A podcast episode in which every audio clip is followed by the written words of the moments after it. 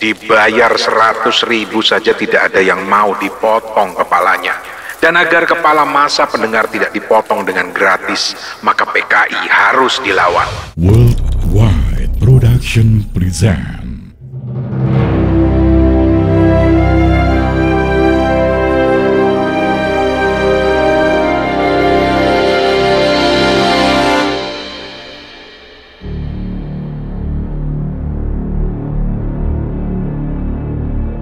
Jawa Tengah merupakan pusat kegiatan komunis di Indonesia. RRI di Semarang, Yogyakarta, dan Surakarta menyiarkan pengumuman G30S. Dewan Revolusi Daerah terbentuk. Wali kota Surakarta yang komunis menyatakan dukungannya terhadap pembunuhan para jenderal Angkatan Darat. Di Yogyakarta, orang-orang PKI segera turun ke jalan-jalan memberi dukungan terhadap G30S. Sementara itu di Semarang, orang PKI mengambil alih pimpinan Kodam di Ponorogo. Mendengar keadaan seperti ini, Mejen Soeharto di Jakarta mengambil keputusan untuk mengirim RPKAD ke Jawa Tengah. Kolonel Sarwo Edi mendesak Maijen Soeharto agar ia segera ditugaskan ke Jawa Tengah.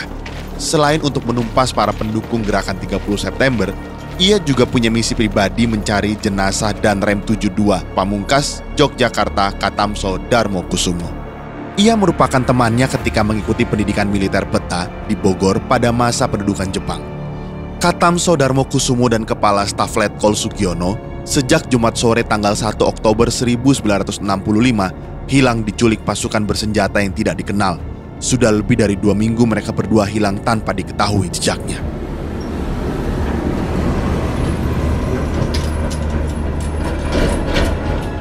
Pasukan RPKAD mulai bergerak menuju daerah yang diduga menjadi sarang pendukung G30S. Kehadiran RPKAD secara umum membuat rakyat senang. Dalam menghadapi pemberontakan di Boyolali, Kolonel Sarwo Edi mengadakan rapat umum. Siapa yang mau dipotong kepalanya, saya bayar 5 ribu. Karena tidak ada tunjuk tangan, ia melanjutkan pertanyaannya. Siapa yang mau dipotong kepalanya saya bayar seratus ribu. Karena tetap tidak ada reaksi, ia melanjutkan lagi. Dibayar seratus ribu saja tidak ada yang mau dipotong kepalanya. Dan agar kepala masa pendengar tidak dipotong dengan gratis, maka PKI harus dilawan. Meskipun pasukannya mampu bergerak dengan cepat, bukan berarti Kolonel Sarwo Edi Wibowo dapat dengan mudah menanamkan kewibawaannya ke seluruh daerah dan mampu menyapu bersih desa-desa untuk menangkap para aktivis PKI. Ia sadar dengan jumlah pasukan yang ada tak mungkin bisa mencapai tujuan. Untuk itu, ia meminta bantuan tambahan pasukan dari Jakarta. Namun permintaannya ditolak karena kebanyakan pasukan tentara masih berada di luar Jawa. Meskipun begitu, ia mendapat izin untuk mempersenjatai sukarelawan dari kelompok pemuda PNI dan NU. Para sukarelawan tersebut diberi latihan selama dua atau tiga hari sebelum dikirim ke desa-desa dalam kesatuan yang dipimpin oleh anggota Baret Merah. Tugas mereka adalah menghancurkan PKI. Pemberian latihan militer inilah yang nantinya menjadi awal dimulainya pembunuhan massal terhadap pengikut komunis atau mereka yang disangka komunis pasca meletusnya peristiwa 30 September. Metode penumpasan serupa kemudian dikembangkan ke seluruh wilayah Jawa Tengah, Jawa Timur, sampai ke Bali dengan memicu ekses berkelanjutan akibat luasnya wilayah pedesaan yang harus diamankan.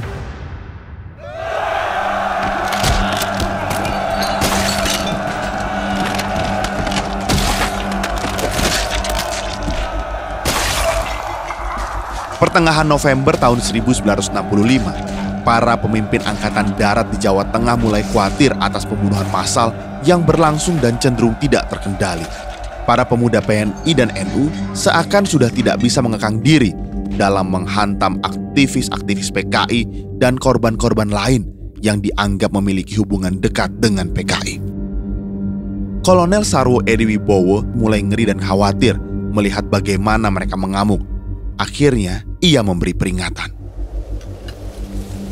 Kita tidak boleh menjawab teror dengan teror. Karena Al-Quran sendiri memperingatkan kita untuk tidak melampaui batas. Kita semua adalah manusia yang percaya kepada Tuhan dan kelima sila dari Pancasila. Sebab itu, tidaklah baik jika membalas kejahatan dengan kejahatan. Tujuan Sarwo Edi Wibowo ke Jawa Tengah sendiri sebetulnya bukan untuk mencari kemenangan, tetapi mencoba untuk membangkitkan semangat rakyat untuk melawan PKI dan menunjukkan siapa sebenarnya yang berada di balik peristiwa G30S. Ia mengatakan pasukannya bertindak sejalan dengan permintaan Presiden Soekarno yang meminta fakta sebanyak mungkin tentang keterlibatan PKI dalam G30S.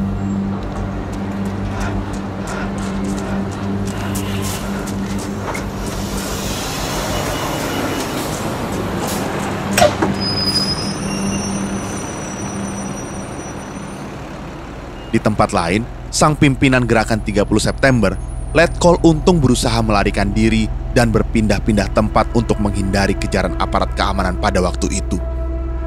Karena kondisi ibu kota sudah tidak menguntungkan, Untung berupaya melarikan diri ke Solo yang dulu merupakan salah satu daerah basis PKI. Dari Jakarta, Untung menaiki bus mujur menuju Solo dengan menyamar menjadi orang biasa. Namun naas, Letkol Untung rupanya tidak seberuntung namanya saat bis yang ditumpanginya sampai terminal Tegal pada tanggal 11 Oktober 1965, ia justru mengalami nasib yang di luar perhitungannya.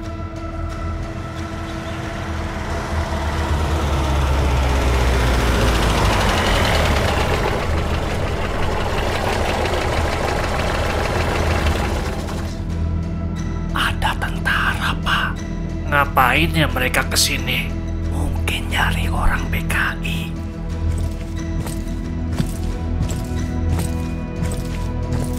Ada apa ya, Pak? Pak Supil, mohon izin mau ada pemeriksaan sebentar. Oh, monggo, Pak. Waduh, ada tentara. Ketika melihat ada pemeriksaan oleh tentara, Untung panik dan khawatir penyamarannya akan terbongkar. Untung akhirnya memutuskan untuk meloncat turun dari bis. Malangnya, karena tergesa-gesa Untung pun menabrak tiang listrik.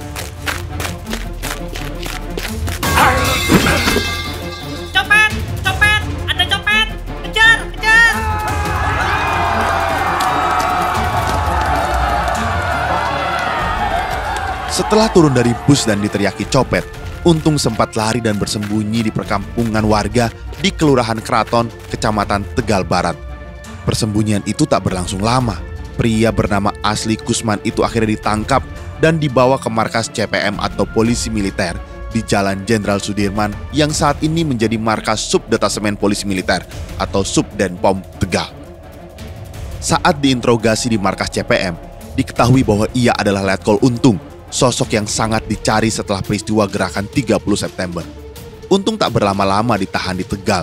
Setelah dipastikan identitasnya, Untung sempat diserahkan ke polisi militer di Cirebon sebelum akhirnya dibawa ke Jakarta. Letkol Untung langsung dibawa ke Jakarta karena khawatir terjadi ekses mengingat Tegal dan Brebes saat itu termasuk daerah merah atau basis PKI. Pada persidangan mahkamah militer, Letkol Untung terbukti bersalah atas aksinya menculik dan membunuh para jenderal dalam peristiwa G30 SPKI. Letkol Untung lantas divonis hukuman mati. Eksekusi dilakukan oleh regu tembak polisi militer. Hukuman itu dilaksanakan di Lembang, Jawa Barat pada tahun 1967.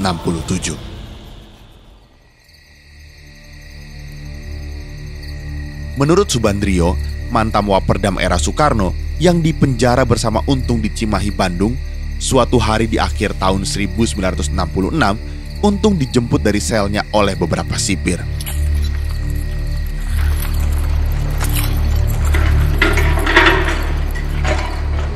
Diberitahukan bahwa Untung akan dieksekusi mati. Sebelum Untung dijemput untuk dibawa keluar penjara, Subandrio sempat menemuinya. Pak Ban, selamat tinggal.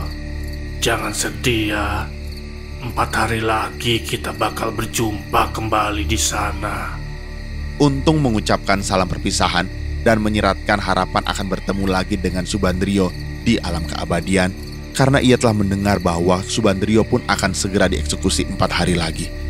Tentara yang gagah berani itu tidak menangis, Tetapi Subandrio tahu bahwa sebenarnya Untung dalam kondisi sangat panik.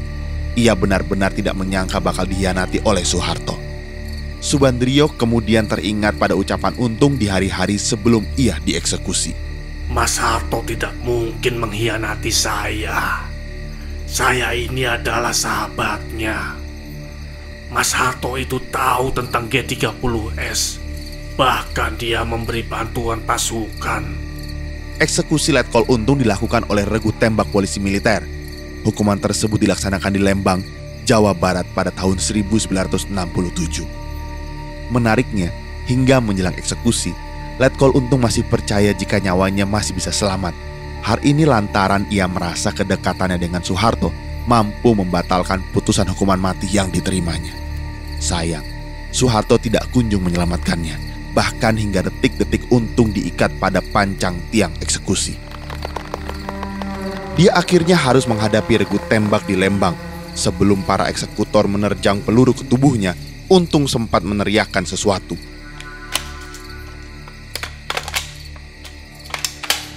Hidup Bung Karno!